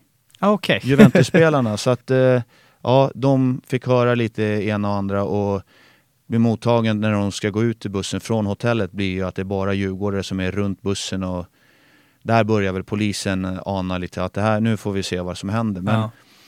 det här var ju en dagsresa. Det här var inte så att folk bodde över på det sättet. Ah, okej. Om man inte åkte sned. Men det var en, den, den ordnade resan var samma dag, tur och retur. Men det var, den, den, jag kände nog ändå att möta Juventus är klart det är asstort och vad, vad kan vi vänta oss? Kommer de tro att vi är so, riktiga sopor? Men Djurgården Mm. verkligen, den matchen, även om du säger att domaren var mutad så eh, jag tyckte Djurgården gör en sjukt en, bedrift där och, och kollar man på 2-0 målet så det ser du inte ofta. Hussein, Arning går in i straffområdet. I straffpunkten finns han. Hussein går runt, får han skottläkt också. Arning, Hussein! 2-0 till Djurgården! Vilket spel! det är helt otroligt. Det är helt otroligt. Bortspelat väggspel och avslutningen är också... Men Hussein här först, han går förbi två spelare. Och så väggspelet och så en fin boll i bortre hörnet. Ja, vad snyggt han gör, Arning. Vad snyggt han gör det. Och direkt tillslag med Det, högerfoten. det är ju någonting som, som har varit med Djurgården väldigt, väldigt länge. När jag hade eh, grabbarna här från DIF Sumpan, då, då pratade vi ju mycket om det här just det här resandet med DIF som alltid har varit bra och sådär. Och det var det ju redan, eh, redan då. Med, med Twitters intåg så så, så lite skämtsamt så skojar man så här 400 000 i Odessa och du vet sådana här diskussioner. Men det går inte att snacka bort att under de här, alltså det var mycket folk på, på Djurgårdens eh, Europamatcher. Och Det har det ju alltid, alltid varit sådär. Sen har vi egentligen en match till i Europa som, som, jag, eh, som jag är lite intresserad av. Jag har själv varit nere i, i, eh, i Holland och, och kollat fotboll. Och för er som har dålig koll på, på Holland och Hollands fotboll så har du ju Amsterdam huvudstad, där har du Ajax eh, och som är liksom eh, kungar där. Du har Eindhoven eh, som är en eh, studentstad som jag förstår det, sen har Feyenoord. Mm. Och sen, det är ett litet land. Alltså du åker ju rätt genom landet med ja. tåg på typ en och en halv, två timmar. Och de här uh, mindre städerna mitt emellan de stora städerna, de supporterna är helt mentala. Ja. De är tokiga. Och Djurgården får, jag vet inte om det är Champions League-kval eller, det borde det vara. Jag, tro, ja, jag, ja, jag, tror att det är det. Jag tror. Man får i alla fall Utrecht. Ja. Eh, och jag vet inte hur de supportermässigt står sig idag, 2020. Men då, så det här var liksom grabbar man inte skojade bort. Alltså. Hur var det att bränna ner till Utrecht? Det här var ju en resa som inte var... Eh, dels hade Djurgården, nu märkte man att nu börjar det trappas ner lite det här med oh, fan vi måste åka borta, eller vi måste åka till borta Europa även mm. om det var Holland. Vi var nära, mm. en del tog ju minibussar, en del flög och mm. åkte tåg och sådär. Det var, det var ju lätt att ta sig ner. Men det var ingen organiserad någonstans för jag tror att den här kom upp ganska snabbt efter en så att det inte gick att anordna någonting. Ja, man kanske man vann väl någon match, eller ja. en match om två veckor så som det kan Ex bli i Europa. Exakt, som jag tror ni fick mot till exempel mot Celtic. Ja, det blir så här snabbt och då ska du hitta någonting. Men jag tror, vi var nog inte mer än en 500 man där nere som åkte ner. Men vi visste att det här, nu jävlar, det här blir hårt. Så det, det var ju bara att hålla varenda, varenda supporter, alla olika kategorier in på samma pub och vi mm. fick en, en irländsk pub som så många gånger man får in på en tvärgata, liksom en rak gata med stora höga hus på båda sidor mm. och sen så är det en sidogata på vardera sidor och där märkte vi ju då att, eh, eller skulle vi märka att de, de kom från båda håll. Mm. Sen både äldre och yngre och det var, nej, det här var ju inga småbarn. De här, de här är ju vana men vi, vi, vi, vi bodde, nästan alla åkte dit dagen innan så vi bodde mm. i Amsterdam. Och då bor man ju oftast i Red Light. Mm. Och där var det lugnt. Det var ju ingen påhälsning av Ajax eller någonting. Men vi var, vi, vi hade, det var ju trevligt. Men mm. dagen efteråt så åker vi sån där dubbeldäckståg. Ja, men jag har åkt exakt samma tåg också. Det, ja. det är deras pendeltåg som jag ja, tror Ja, exakt. Mm. Och det tar ungefär en, ja men som till Södertälje ungefär, mm. så var vi i Utrecht. Uh, kommer upp och så fort vi åker upp för rulltrappan så står det två herrar. De är dressade, och de väljer att så fort de ser oss, då går de då börjar de gå. Mm. Och då förstod vi att nu, nu, nu kommer vi få välkomstkommitté längre bort. Mm. Så eh, vi, vi fortsätter gå och kommer in på puben och då visar det sig att ägaren där är en gammal Utrecht eh, och allting. Och han bara, men håll er på puben här nu så, så blir det bra. Men mm. eh, det, det gjorde de Eller när de kommer sen mm. från olika håll och det, det var inne i ett sånt bo bostadsområde som var att de kastade, alltså det fanns nog inte, jag är osäker om det var bangers eller vad det mm. var. För bangers är, jag gillar inte dem personligen, men det här var bomber som kom. Uh. Och, och det vart eh, riktigt, eh, det var flera djurgårdare som blev tagna utav polis och fick stanna kvar uh. där och det var hej och hå med det där. Och sen när vi kommer in till matchen, då får vi ju stå i en bur som är inglasad, eller in, det är ju inte vanligt glas men det är plexiglas typ. Amen. Och där, det är värsta gången in dit. Så det är en inslussning, så det går, det har hänt så mycket i de där länderna nu med, ja, ja. och de, det får jag faktiskt säga, jag tror det var 20 000 med matchen, de hade otroligt bra läktarsång, hardcore-fans överallt och det var en äkta klubb. Mm. Jag tror de är väldigt, bygger på medlemmar, bygger på väldigt patriotism just för Utrecht. Mm. För där är det, det är Utrecht mot alla andra. Ja men det är väl lite, det är min känsla också, just i de här småstäderna, att man, man är så här, äh, här är vi, det är väl lite den här folk som, vad ska man dra för parallell, alltså äh, i, i, man, man är lokalpatriot kort sagt ja. mot, eh, mot de här stora städerna så är man så här, vi, vi är den här lilla stan här ute, men vi, man vill bevisa sig att man är jävligt äkta. Jag fick faktiskt en, det här ska du få svara, jag ingen aning om det här stämmer, men jag pratade lite med en polare som är Djurgården som skrev att att det ryktas om att deras klack, jag vet inte om det här är hemma eller borta, men att den styrdes av en synt. Jag har ingen aning vad han har fått därifrån eller om han bara blåst mig, men eh, jag ställer i alla fall frågan. Ja, det, det ska jag låta sagt, för det vi stod ja. på den matchen, är, de hade ju sin klack på kortsidan mitt, mitt över. Mm. Och det skulle jag inte, alltså det, det kan jag, har inget svar på, den har jag aldrig hört faktiskt. Nej, men, det, det, kan mycket väl vara så. Jag vill ställa frågan, för hade du haft svar så hade det kunnat ja, bli skitkul. Ja, men, men de var jävligt synkade, mm. vilket var jävligt imponerande. Mm. Och jag tror att många fick sig en tankeställare, shit, vad är det här? Det här är, ja det var nog bland det bästa jag hört. Mm. Okay, Då ja. var det nog det, Mm. tror jag. Ja men eh, ballt. Ja som sagt, vi kommer få återkomma till, eh, till det vid ett annat tillfälle, men jag har också varit i, i, i Holland och eh, i mitt fall kolla AIK. Då. Det, Mm. är, det är ett mäktigt fotbollsland, underskattat supportermässigt ska jag Ja. säga. Sådär. Grymt då. Jag har faktiskt en, eh, bara hoppar till ett, till ett helt annat ämne här. Sådär. Under de här, om man hoppar tillbaka, det är väl under samma period under guldåret så har ju DIF en, en, en udda tränarduo på, på vissa sätt. De har ju Sören Åkerby och Soran Lucic. Yeah. Alltså, Soran Lucic, han hade ju han hade så mycket sköna uttalanden. Alltså återigen den här årskrönikan, hoppa tillbaka till den 03. När de har vunnit tre, tre första matcherna, då går han ut i en intervju och säger att ah, det är risk att allsvenskan blir ointressant när de har vunnit tre matcher. Han, de torskade någon match några år senare, då skyllde han på att det var motgräs. Det är, han är den enda som har skyllt på motgräs. Okej. Eh, skyllt på för högt gräs och så här. Hur är alltså den tränarduon, eh, hur i deras status? Störde man sig någon gång liksom som supporter på att han var ute och surrade så jävla mycket i media? Så där? Det tror jag inte. Jag tror att man såg honom som, jag tror man såg eh, Sören Åkerby som den här lugna, chilla mannen som Mm, tog det lugnt mm. och sen så var han den här eh, lite, ja men det är Balkan, det är lite Ja. Zlatan-mentalitet fast lite light om man säger. Men Mm.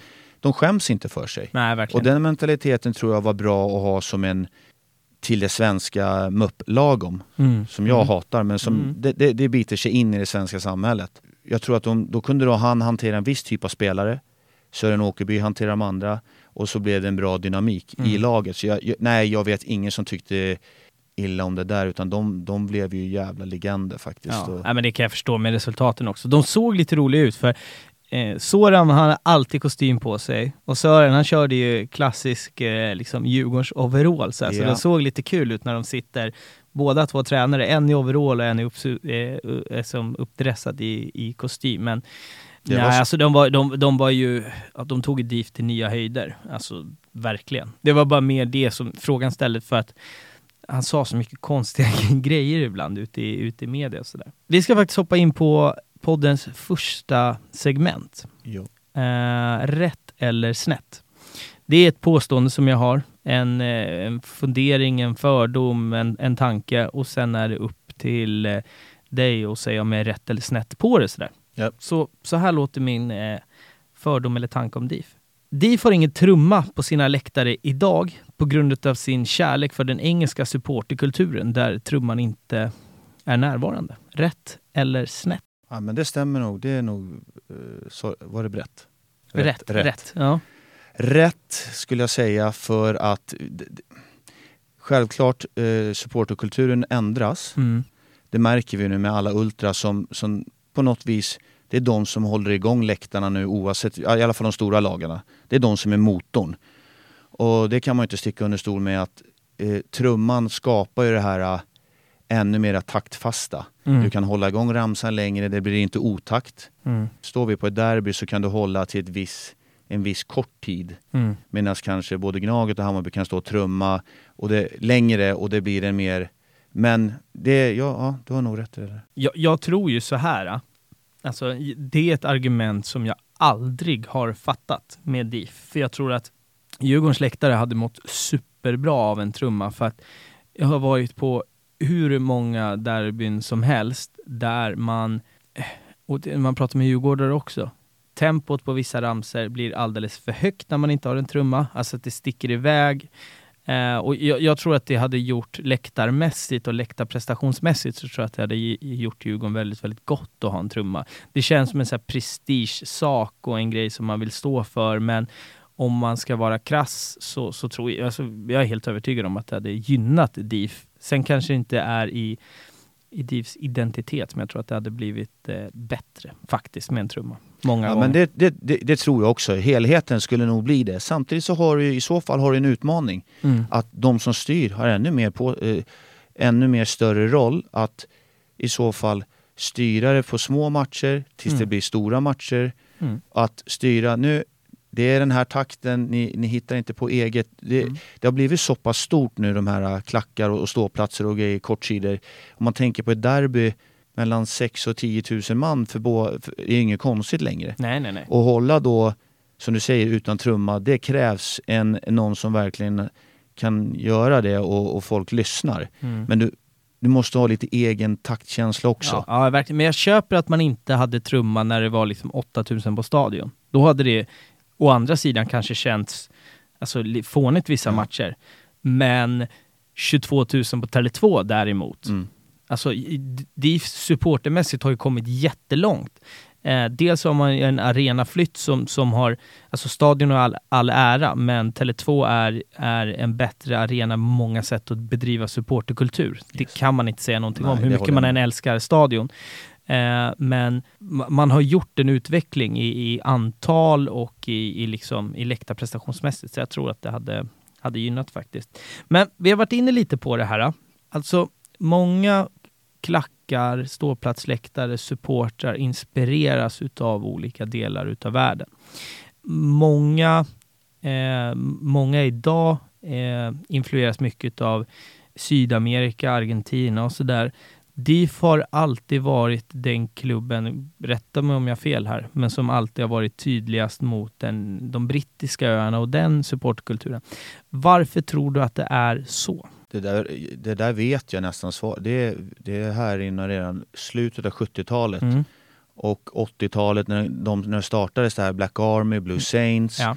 De är tagna från engelska kulturer. Oh ja, oh ja. Gnaget, Black, eller Red Army och Mm. United och det där och Djurgården. Ja men du har ju Southampton Saints och så blir det Blue Saints och så Oh and the Saints i och för sig kom det Mm. med den ramsan. Mm. Men oavsett så redan där har du ju, jag menar Hammarby heter bayern fans både Djurgården och AIK heter engelskt. Mm. Så jag vet att det var ganska många från AIK också som hade den engelska influensen, att de gillade i alla fall ett engelskt lag. Ah, så var, så var ja, det det- väldigt det. mycket på den tiden. Nu tror jag, nu, nu är det inte så för att det inte är så hett. Nej. Du vill inte, ja ah, jag håller på City, Vem alltså det blir ju skämmigt att säga, eller Mm. till och med gamla United, de som är, håller på United förr när de inte var bra Mm. kan tror jag nästan tycker att det är lite pinsamt idag, eller man säger man håller på Liverpool för att, aha, då blir det automatiskt bara för att de var en Champions League, eller Ja. du vet det där. Men det var en helt annan era då och då, jättemånga från Djurgården vet jag åkte över. Eh, jag vet att Arsenal hade lite gulrött blått i sina souvenirer som många djurgårdare köpte då Mm. och tog hem. Och, och, så att det här rimnar från jättemycket om musiken. Mm. Musik, eh, som, den tog nog vi, skulle jag säga, vår årskull. Ja. Men i Manch- Manchester-musik, liksom, Mm. alla Happy Mondays, eh, Oasis och alla andra Blur och de här vad de heter. Mm. Ja, jag är uppväxt i, i, i Haninge och har suttit min beskärda del, du vet när det är Champions League. Idag så är jag alltså, ointresserad, men när man var, alltså när man började få gå och dricka öl så satt jag en del på O'Larrys, eh, mytomspunna O'Larrys Mm. i eh, Haninge centrum. Där finns det mycket stories att berätta. Men då har jag ju suttit med en del liksom Djurgårdsgrabbar sådär och där var det ju Manchester United var ju extremt stort. Jag vet jag kollade en Champions League-final, United-Barcelona med en drös eh, eh, Haninge-killar.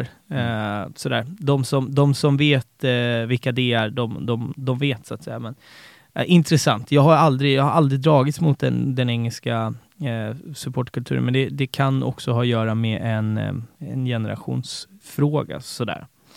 Men om Eh, jag får ja, inflika kör. lite där så var det ju också det, det kom mycket med kläderna därifrån. Vi, Mm. vi som var där, vi anammade hur de såg ut. För så mycket souvenirer fanns det inte på den här tiden. Så till exempel slutet av 80, början av 90. Du kunde ju inte knappt få tag på en matchtröja då på Nej. den tiden. Det var, det var små detaljer, så många hade ju på sig engelska matchtröjor i sitt lag. Mm. Och så, ja, ah, där är han och där är han. Och, eh, man, vet vilka, man visste vilka antagonisterna i Gnaget var. De höll på det laget. Alltså Mm. förstår du vad jag Ja, menar? ja.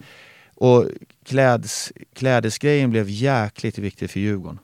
Jo, men det tror jag också. Det är ju faktiskt en intressant aspekt när man pratar just med kläder och sådär, om man pratar 00-talet, att det som förändrade mycket av hur en fotbollssupporter ser ut kommer ju från en film som jag har ingen aning om exakt vilket år. Det är början någonstans på 00 där det revolutionerade med den här äh, casual-kulturen och utseendet och det är ju när det är ganska tätt följt släpps två filmer, ligistfilmer egentligen, i Mm. form av Football Factory och eh, Green Street Hooligans, där där man såg eh, grabbar som var fotbollssupportrar på ett annat sätt och där alla, det var Stone Island, det var Sippy Company och alla de här märkena som idag är...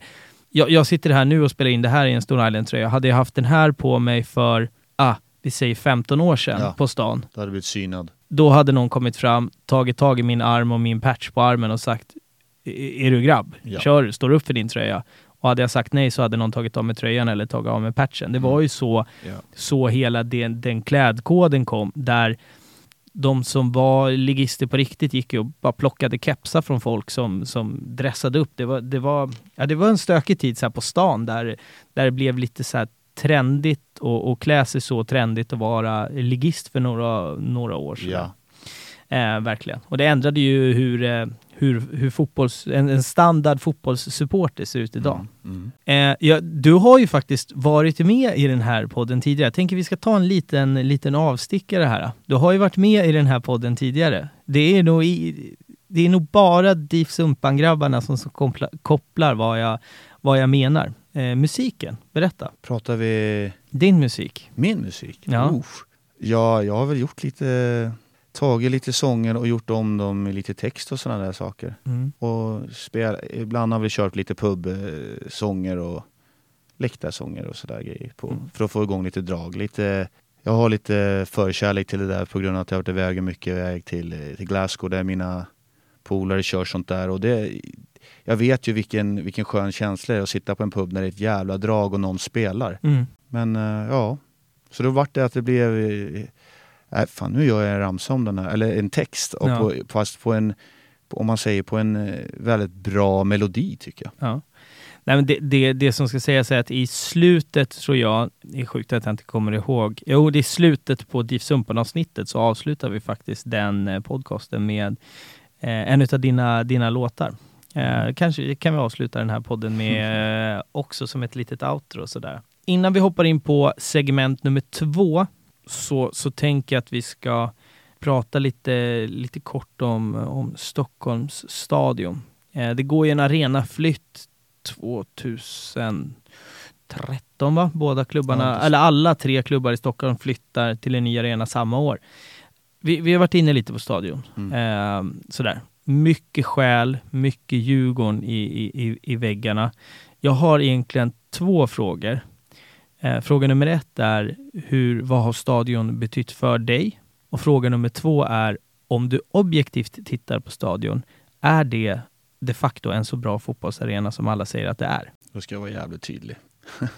Ja, gärna. Eh, det är klart att den har betytt sjukt mycket. Det var där jag såg min första match 82-83 och det var kval. Djurgården vinner mot Kalmar med 1-0. Och då, då stod man faktiskt på den som är borta sektionen. Eller ja, när det var borta sektion. Mm, mm. Där var mm, så kallad fondläktare och den var, jag kommer inte ihåg att man såg så dåligt men det, det är klart att man gjorde. Men, och sen överlag så är det ju så att när du kommer dit, det är lite slitet, det är borgen, det hänger en flagga från klocktornet. Du går upp, kanske kommer från, från city och så går du Sturegatan upp och du, de här äh, vändkorsen, de är, det är ju så här gamla som gnisslar när du går in Ja, ja, verkligen. och spets, de här staketerna som folk har plankat in och ställ, stoppat fötterna i eller gått igenom med fötterna med spets och blivit hängas på staketet. Det, det är klart att historien där, den, den är, jag är jätteglad att jag upplevde den tiden Mm, och fick mm. vara en del av den där men man har också stått, det var ju tak halvvägs ungefär Mm. och som, som säsongskortsinnehavare eller någonting så kan du ju inte räkna med att du säljer mer än ett, jag tror de hade ett tak, eller att det blev ungefär 6000 man sålde Mm. och så blev det lite till. Så du kunde ju aldrig bygga en riktig supportermassa förutom de stora matcherna som det automatiskt kommer extra folk på. Ja. Men den betydde sjukt mycket och framförallt eh, omgivningen av parker, Humlegården, pubbarna London ner, Östra och lite andra sådär, men det var de som vi Mm. anammade och allting härstammade, ju, här- härstammade därifrån. Mm. Men fotbollsmässigt har jag aldrig tyckt att den har varit det är, ingen, det, det är ju löparbanor och det är, inte, Mm. det är, löparbanor för en saks skull. Det, skulle jag tycka, det tycker jag vilken en arena jag står på som har haft löparbanor, eller har varit på. Mm. Det blir inte den här intima till planen där du nästan kan ta på de som värmer upp eller på Utan eh, jag, jag gillade flytten till Tele2 på grund av att nu fick vi en riktig fotbollsarena, bra akustik och den, eh, om man säger den utvecklingen skulle vi kunna haft om, redan tidigare om Stockholmsstaden hade varit en sån arena. För den ligger ju där vi vill. Mm. Det är inte snack om det, men det, som fotbollsarena kontra Tele2 för mig är det, det är som natt och dag. Mm. Nej, men det köper jag faktiskt. Tele2 är en ruggigt. Alltså, det enda minuset jag har är att det är plastgräs. Annars är det en fantastisk fotbollsarena, Tele2. Eh, Stämningsmässigt, hur man kan bli placerad, hur man ser. Ja. Men framförallt stämningsmässigt är Ja. det ju, jag menar den är, den är, den är Europaklass alla Mm. gånger. Verkligen, verkligen. Ja, men snyggt. Vi ska hoppa in på poddens andra segment, fem snabba. Det kanske blir utveckla någon fråga, men annars så bara eh, fem korta frågor helt enkelt. Fråga nummer ett. Eh, no pyro, no party eller bengaler out? No pyro såklart. No pyro såklart. Snyggt. Jag, jag, som sagt, jag ställer den till alla frågor, eller till alla gäster jag har den här, för jag hoppas att någon någon gång ska säga hata bengaler, för det hade blivit så jäkla intressant diskussion. Eh, fråga nummer två. Favoritspelare i DIF under 00-talet? Jag har alltid gillat, alltså jag gillar Stefan Rehn jäkligt mycket men jag gillar järnkamin. Marcus Karlsson, Mm. Mittback va? ja han var vänsterback. Ja, vänsterback.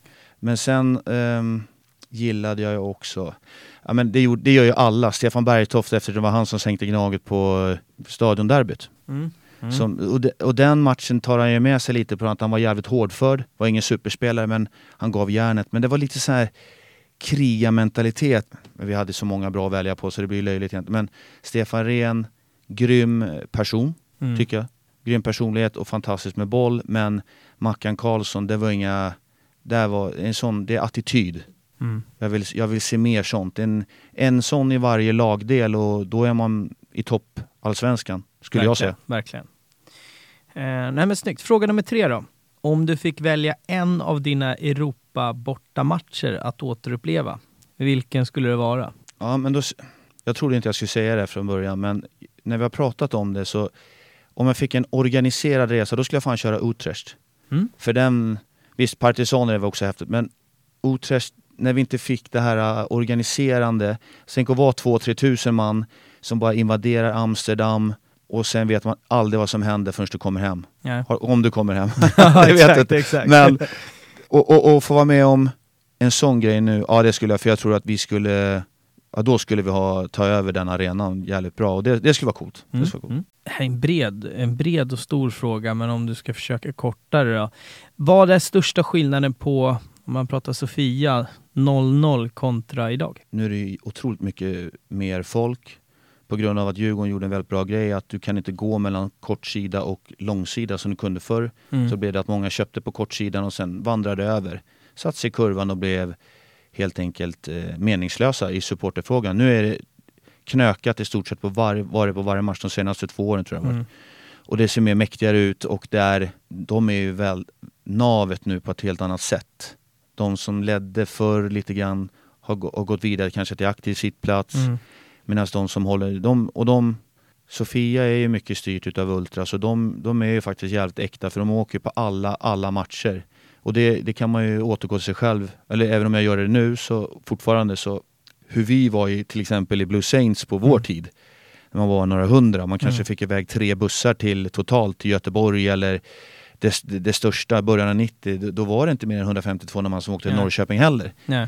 Och det ska folk veta om nu när det vallfärdas flera tusen från alla stora lag att det är några som har varit pionjärer i det här Mm. och stått. Och det, jag vet, det, det minsta vi har varit, i alla fall där jag har varit involverad, det var väl att vi var en 350 kanske på Råsunda mot ett derby på AIK i början av 90-talet. Det, Mm. och det, du vet, då kanske AIK var några hundra mer bara, men det kändes Ja. som shit, de är så många och du vet, vi, Mm. vi fick inte komma ut förrän de hade kastat sina brandbomber. Det var mycket, de låg ju Mm. nära makt där ju. Ja, ja. Så det var ju brandbomber och det var eh, raketer och hej och men Nej, intressant.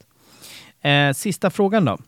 Eh, den hoppar lite ifrån eh, 00-talet, men eh, intressant fråga. Framåt nu, om man pratar nutid, tycker du att DIF ska spela på Tele2? Eller tycker du att man i framtiden ska sikta på en egen arena, om nu ekonomiska möjligheter finns, runt, eh, stadionområdet, Östermalm, Östermalms IP och de krokarna. Skulle Djurgården få en likadan arena, säg kanske, vi låtsas 20 då? Ja. 20 22 Mm, 000. Självklart skulle jag vilja ha den där, om den var lika Tele2. Mm. En miniatyr på Östermalm, det, det är absolut. Mm. Ehm, men eh, nu vet, alltså jag är inte dum. Det här, stad, Stockholms stad leds ju inte utav sådana som gillar Djurgården eller något Stockholmslag gillar inte idrott, De gillar inte, de gillar inte idrott. För de, Fientliga. jag tror inte ens de kom, ja de är idrottsfientliga men de kommer inte ens, de förstår inte vilken extraintäkt det skulle vara om det skulle, om det skulle bli, alla fick sin egen hemmaarena, det är det, det, det är det optimala. Ja. Men jag, jag vet, alltså jag tror aldrig det kommer hända under min livstid, men jag skulle, jag är lätt, jag, då skulle jag ju ta det. Nej, men det, det man saknar lite, alltså, så, som typ Råsunda, alltså satt man en, en klibba där, där man brukade stå så kom man tillbaka nästa match och då satt den kvar. Alltså Mm. sådär. Det är Mm. det som är problematiken nu tycker jag, att man kommer till Friends och man kliver in och det är inte liksom klotter på väggarna och ens egna klibber överallt, utan det är nytt, rent och fräscht och så vill man inte ha det. Alltså sådär. Nej men snyggt. Vi ska, vi ska prata lite om, om 2004. Det, det som händer, är- jag vet inte hur lång period det är eh, och jag vet inte riktigt varför det är så här. Men Djurgården spelar på Råsunda om det är under ett år eller under en kortare, alltså under en period så, så flyttar Djurgården in på Råsunda. Ja. Varför var det så? Det var på grund av det här med säkerhet och belysning. Jag tror belysning spelade väldigt stor roll. Och det var en jättestor ekonomisk fråga för Djurgården. Men det, jag, jag är osäker på det här, jag är Mm. inte hundra. Men jag, jag tror att det hade med saken att göra i alla fall. Dels säkerhet och att den inte var som Svenska Fotbollförbundet ville ha. Ja. Att den är arena. Okej. Men hur var, hur var det att, att liksom åka till hemmamatch mot, fan vet jag, Kalmar och behöva åka Mm. och inte åka till stadion? Det, var, det, det vart... Från början var fan ska vi åka till Råsunda? Vissa, nej, jag kommer inte köpa säsongskort.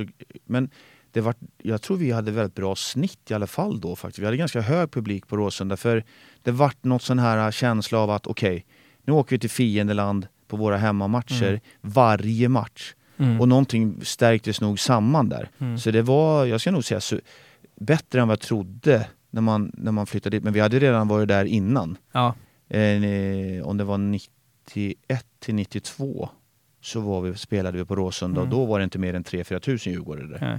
nej men det där vet jag att när, vi, ja, när AIK fått spela Europamatcher och sånt där på, på Tele2 så har det blivit ett jävla tryck. För nu känner man så här, nu ska vi visa nu ska vi visa hur, hur man är supporter på den, här, på den här arenan. Vi ska göra det bättre än de som har hemmaplan. Jag tror att det finns en sån aspekt som, som eh, man inte kan ta bort faktiskt. Men 2005 så vinner Djurgården guld igen. Återigen sa det i början, Djurgården är dominanta här. Man går det är väl egentligen, rätta mig om jag har fel, man går genom säsongen och är rakt av bäst. Mm. Alltså, det Mm. finns inget annat. Det var ett lite annorlunda lag här äh, i Djurgården kontra eh, 02-03. De största stjärnorna i form av Kim, Elmander, Isak, de hade, ju, de hade ju flyttat ut i Europa. Men man lyckades liksom bli sönderköpta, bygga om Mm. och, och kliva in och vinna guld. Det är få, få all, alltså allsvenska klubbar som har lyckats med det. Mm. Ni vinner ju borta i näst sista omgången mot Örgryte. Örgryte på Gamla Ja. Ullevi. Också hur mycket djurgårdare som helst. Ja, det var, jag, jag tror vi var ungefär 6. Ja. 6 000 och det var såklart hemmaplan. Den blir ju 0-0 men det är tack vare att jag tror att det är Bayern som slår Göteborg och Göteborg var vår antagonist då. Alltså 05 för mig, när jag kollar tillbaka, då var jag 14, då hade jag ändå ganska bra koll. Det var liksom aldrig någon snack. Det var så man märkte ganska tidigt i säsongen, det här kommer Djurgården vinna och sen bara gick man egentligen, det var som att man gled på en räkmacka genom allt. Det kanske inte är i, i 100% sant, men det bara kändes som så här, efter halva säsongen, så här, det finns inget lag som kommer kunna spöa Djurgården det här året. De kommer bara kliva rätt igenom.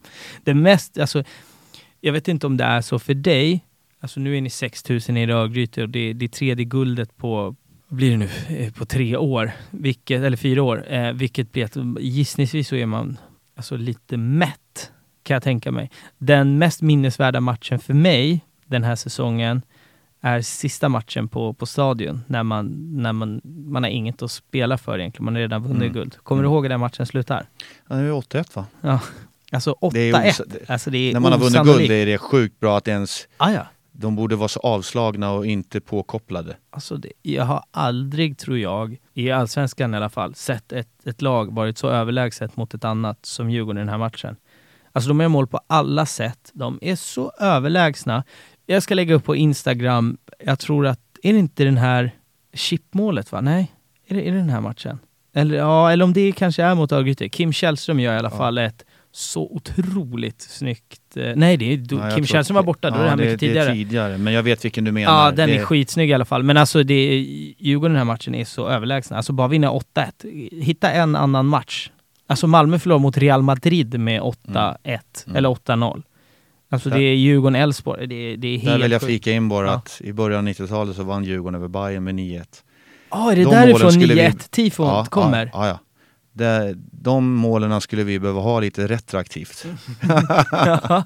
Nej, det finns ett annat skitsnyggt, det är också en av Djurgårdens absolut snyggaste tifon genom alla tider skulle jag säga, är eh, de tillsammans med eh, UCS när de har firat eh, jämnt. Mm. Det är också fantastiskt. Men nya tifot är också helt galet vad snyggt det är. Sådär. Men jag vet inte om du har något mer att säga om 05. För mig var det bara så här, hela min känsla om 05 är att ja, det här kommer Djurgården plocka. Punkt. Mm. Alltså, men håller du så med var mig? Det väl. Ja, så var det väl. Och det var väl ganska så här, vem, vem, gör, vem gör mål på straff? Och då får keepern springa upp och, och lägga in den. Just den det. på Torrey. Han var jävligt, han var jäkligt eh, älskad av supportrarna och även gill, var så här tillbaks. Lite så här, Ja. g- g- Stor svart och sen garvade han, då var ju vitt i munnen, Ja. alltså tänderna där. Men han var jävligt älskad liksom. Men han kunde ju göra sina tavlor Ja. som man blir galen på för då stod han också ibland och flinade. Men han, han gör ju det där målet och sen så springer han till... Ja. Det, var, det var en svår, svår, eh, svår person att tycka illa om. Det som var på den här tiden, eh, alltså det som gjordes från våran läktare, Ja. eh, var ju att varje gång Djurgårdens målvakt på derbyn kom springande mot alltså AIK-klacken så Ja. skickade man in bananer ju. Ja. Vilket man hade gjort, alltså sen jag gick på mitt första derby, då gjorde man så.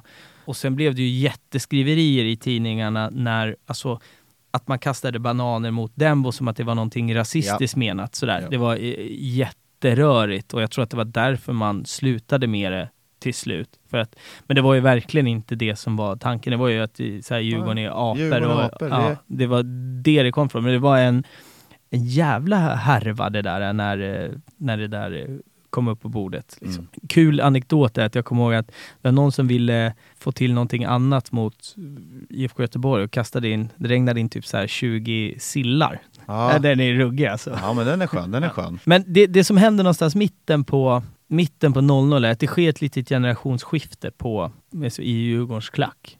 Mm. Håll- Håller du med om att 05-06 så så sker ett litet generationsskifte? Ja det gör det nog. Nu ska, ja, jo, det, Unga fabriken-grabbarna kommer upp och de här, alltså Mm. det är... det börjar väl, jo det gör det väl och eh, det har väl blivit att folk, ja men många, det är ju så här att när folk blir äldre, oavsett om man har stått mitt i smeten, eh, helt plötsligt så, ja men då väljer ett gäng kanske att sätta sig lite där, lite där och så blir det en gruppering där och så blir det en gruppering på en annan ställe. Mm. Det, det var, vart liksom som en, ja det är väl generationsskifte, ja det, det är det väl. De tog väl mer plats i alla fall Mm. och, och, och det kom upp något nytt. Mm. Och då låta dem... Det är det där som är egentligen grejen. De ska väl, man ska väl låta alla nya som kommer, men de ska ändå veta sin plats. Mm. Och det var väl lite grann sådana där grejer som hände också, att viss, de har väl en viss attityd. Mm. Sen finns det många grabbar som har en annan attityd och varit med länge och så blir det... Det, har varit, det var, jag kommer inte ihåg exakt när det var, men det vart ju interna grejer också ibland Mm. på grund av vissa... Det letade sig in lite politik kände man. Mm. Oavsett vad man än har varit, vänster, höger, liberal, whatever, Mm. så har det alltid varit, alltså på fotbollsläktarna har jag tyckt, i alla fall på Djurgården, att det är Djurgården och Skölden som är, som är och ska vara i fokus. Ingen Mm, annan. Vad du tycker, det kan ingen ta ifrån dig, men håll inte på det på läktaren. Nej. För det kommer aldrig gynna någon och det, det har alltid respekterats. Men det var väl, jo, generationsskifte, ja det kan jag väl säga. Mm. Nej, jag, jag kommer bara ihåg att jag, jag typ när jag var det här är lite senare på 00-talet ska sägas, men jag var tillsammans med en, en tjej då som var väldigt aktiv, eh, väldigt aktiv i Djurgården sådär. Och hon, eh, eller då var hon, idag har jag ingen aning, men då var det ju, fabriken var ganska nytt.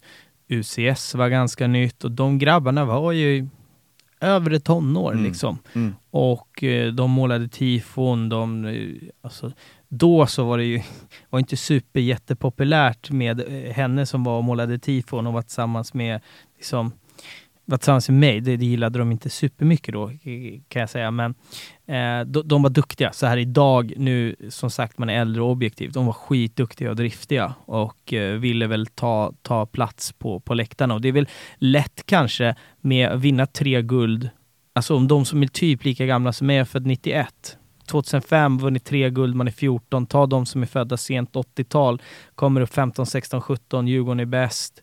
Eh, man känner fan vad roligt det är att gå på, gå på Djurgården, Mm. kort sagt. När, man är, när det går bra och man får resultaten med sig börjar väl ta, ta plats där så att säga. Sen om man ska ta det lite tidsmässigt. Vi har tagit oss fram till 2005. Vi ska så sakteliga börja, börja runda av här, men för mig så är 06, 07, 08 för Djurgården, rätta mig fel, mellanmjölk. mellanmjölk, Mm. ganska ointressant. Mm. Det händer inte så mycket. Nej. Man är i mitten, man är på undre halvan, man är på övre halvan. Det händer inte så jävla mycket. Och det är lite- ganska och ointressant. Lite tränarbyten och hej och det, Ja. det, det stormar nästan lite grann skulle jag vilja säga. Det, det, det är tråkigt. Ja, och det, men det är inga... Jag försökte hitta, vad ska vi, du och jag, sitta och prata om, om de åren som faktiskt är jävligt intressant att, att, att lyssna på. Hittar inte jättemycket. Nej. Nej. Men sen hoppar vi till 2009. Då går det, efter de här åren, Djurgården blir så här sakteliga sämre. 2009 är Djurgården riktigt usla alltså. Alltså sluttabellen, det har vi bakat ner i ett annat avsnitt, men Djurgården med tre omgångar kvar är ju, då, Djurgården var ute, Mm. typ. Mm. Man lyckas kriga sig med nöd och näppe och blod, svett, tårar till kval. Eh, Bayern är, åker ur, AIK går ju vinner guld i året. Eh, man får en kvalmatch mot Assyriska. Jag vet inte, där, där kan du svara. Jag vet att jag tror Djurgården torskar mot Assyriska typ 2004 i kuppen. Alltså blir helt utrullade när, när Djurgården är sådär bra. Torskar med 4-0. Så det fanns väl något lite så ont blod mot eh, Assyriska. Eh, man startar på Stadion va? I Nej. kvalet? Nej, man De startar i borta. vi- de, de torskade med 2-0 borta, men den matchen var inte jag på. Jag var, jag var utomlands, jag var i Mexiko då. Okej. Så jag fick sitta, ja det var konstigt för då fick jag sitta och lyssna på radion samtidigt som jag kommer inte ihåg när AIK vann guld just, men jag vet att om det var en november. Ja, om det var en söndag de vann guld, för då spelade Djurgården, vet jag, om det var innan den kval, första kvalmatchen så var det typ att Djurgården tog poäng mot, om det var Kalmar eller någonting sånt där. Mm. Så den matchen var jätteviktig. Men jag fick sitta i Mexiko och lyssna när Gnaget vann guld och för, för att höra för Djurgården, Ja. fanns, för då hade vi inget internet för jag var Nej. långt ute på så här, det var bara tur att jag fick ta på radio typ. Ja. Det var en sjuk känsla, eller sjukt konstig, jag bara, eh, vad sitter jag och lyssnar på? Men, så jag var, jag var aldrig på Assyriska borta, jag bara fick höra att det var tur att det inte blev mer. Mm. Så jag kom hem samma dag som kvalmatchen på Stadion var. Mm. Och då var jag sjukt jetlaggad och hade ingen aning om vad det här skulle bli. Jag, jag visste ingenting. Nej. Alla var ju helt övertygade om att det här vände inte Djurgården. Nej. Djurgården var så bleka i första matchen, åker på 2-0 och har, du vet, alltså Assyriska är mycket bättre än vad Djurgården är. Man kliver in till matchen. Jag till exempel, jag, jag, man får ju minnen på Facebook varje, liksom varje år, den här tiden där vi, där vi sitter och spelar in. Och jag, vet, jag skrev Djurgården är ute. Mm. Det är klart. Mm. Vad händer sen? Det är ju en... Den här matchen, vad jag kommer ihåg, det är ju en ställningskrig. Det är ju... Det är också en sån här kväll där det är mörkt, det, det är senhöst, det är, det är kallt, det är, ju, det är mössa på och vantar i stort sett och det är... Ja, det, det, är det är elektriskt men ändå så här, fan vad är det här? Det är, alla vet ju att ett mål för Assyriska, då är det ju kört ju. Ja, ja verkligen. Så Djurgården måste hålla, de måste hålla nollan och ja, Janne Tauer struta igen, sen kommer jag inte ihåg vem som gör andra. Men det är att han skulle, för det var ju ett riktigt träben. Men han var ju en skön... Tower är en he- helt egen historia Ja, i sig. ja, alltså. det var ett träben, men han var ju en karaktär. Ja, oh ja. Älskad. Det är en sån spelare som än idag lever kvar. Janne Tauer, Becken, Ja. Beckenbauer liksom. Jag såg Men- han skrev på Twitter för typ en vecka sedan och hetsade eller någonting sånt där. Ja, ja. Han är, och han är ju liksom en sån som alla supportrar älskar. Så det Ja. var ju grymt att han fick göra det där.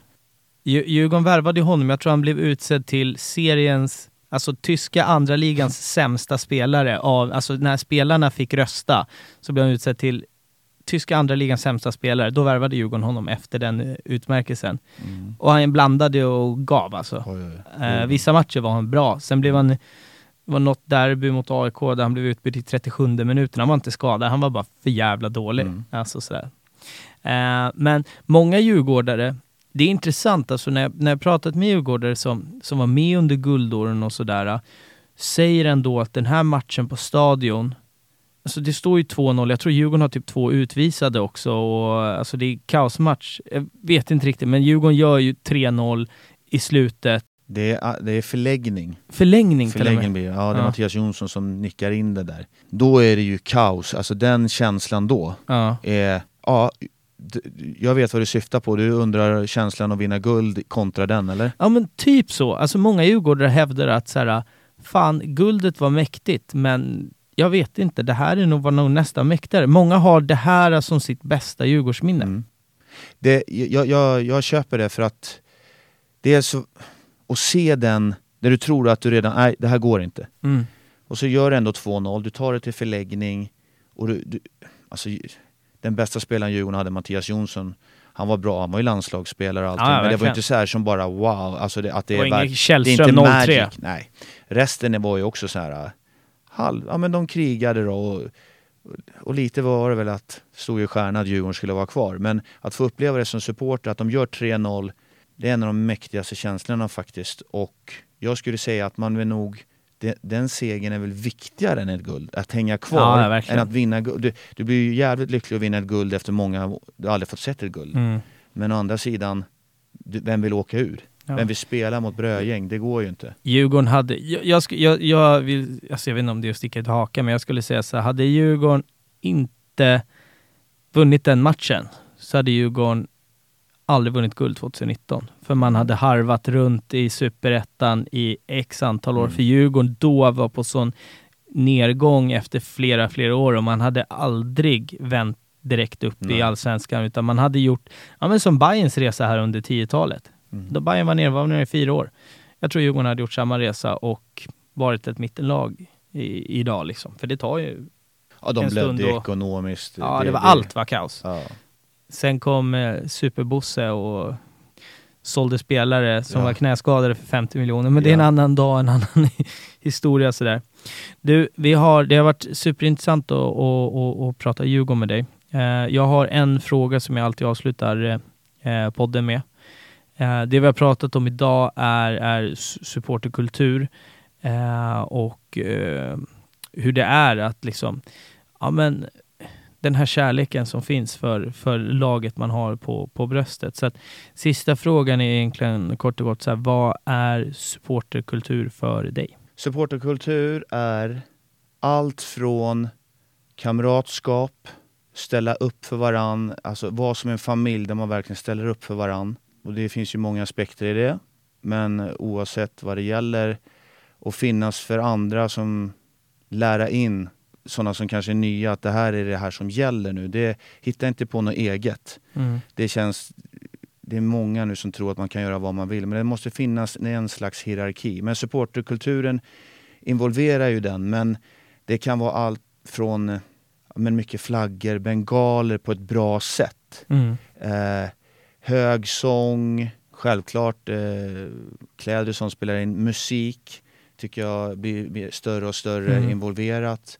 Men kamratskapen och den här som det, det, det är svårt att hitta den någon annanstans. Du går, du har träffat så mycket folk genom supporterkulturen som du aldrig skulle ha träffat annars. Mm. Bundit, knutit kontakter. Som i mitt fall, eh, jag har blandat in, eller min grabb nu som är snart 17 år, Mm. han har varit med sedan han var två månader typ. Och, och fått sett sin resa och sett hur det även förändrats. Men att ta med sin grabb in i supporterkulturen är för mig jäkligt stort och då har jag någonting att dela med min son resten av mitt liv. För han, han är lika die hard som mig. Så att, ja, det är väl supporterkultur. Mm.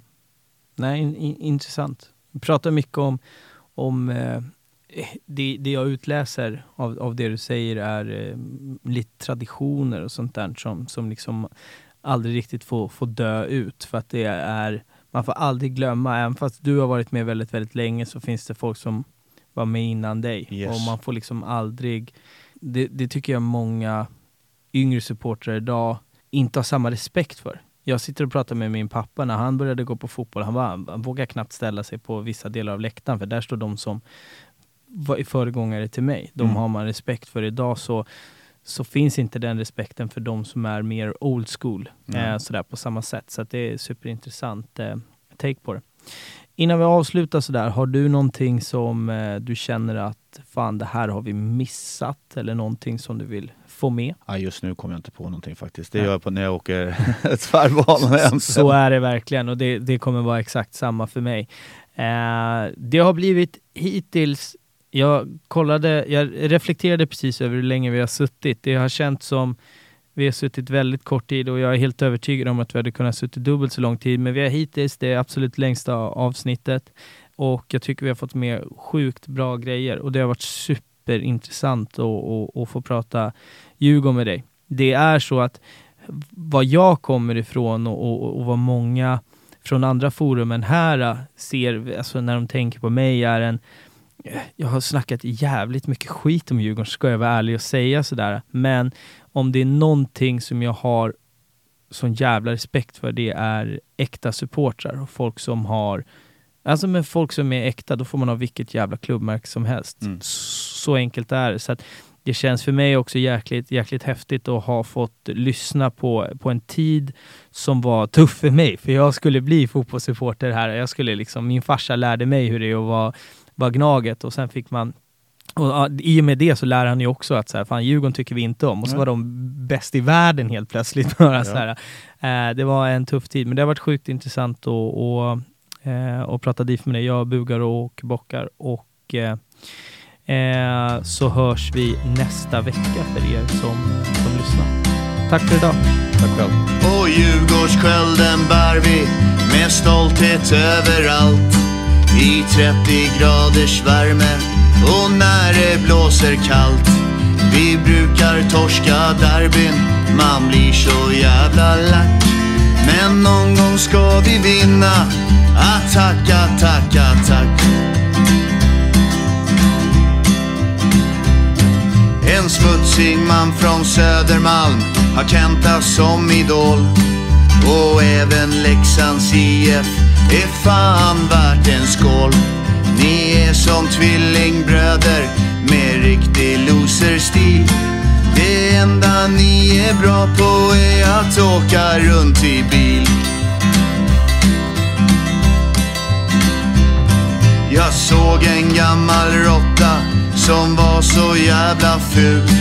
Han tyckte han var läcker i kjolen svart och gul. Jag är för fan en gnagare, jag hatar Djurgårdsbarn. Men då fick han en höger och sen en fet banan.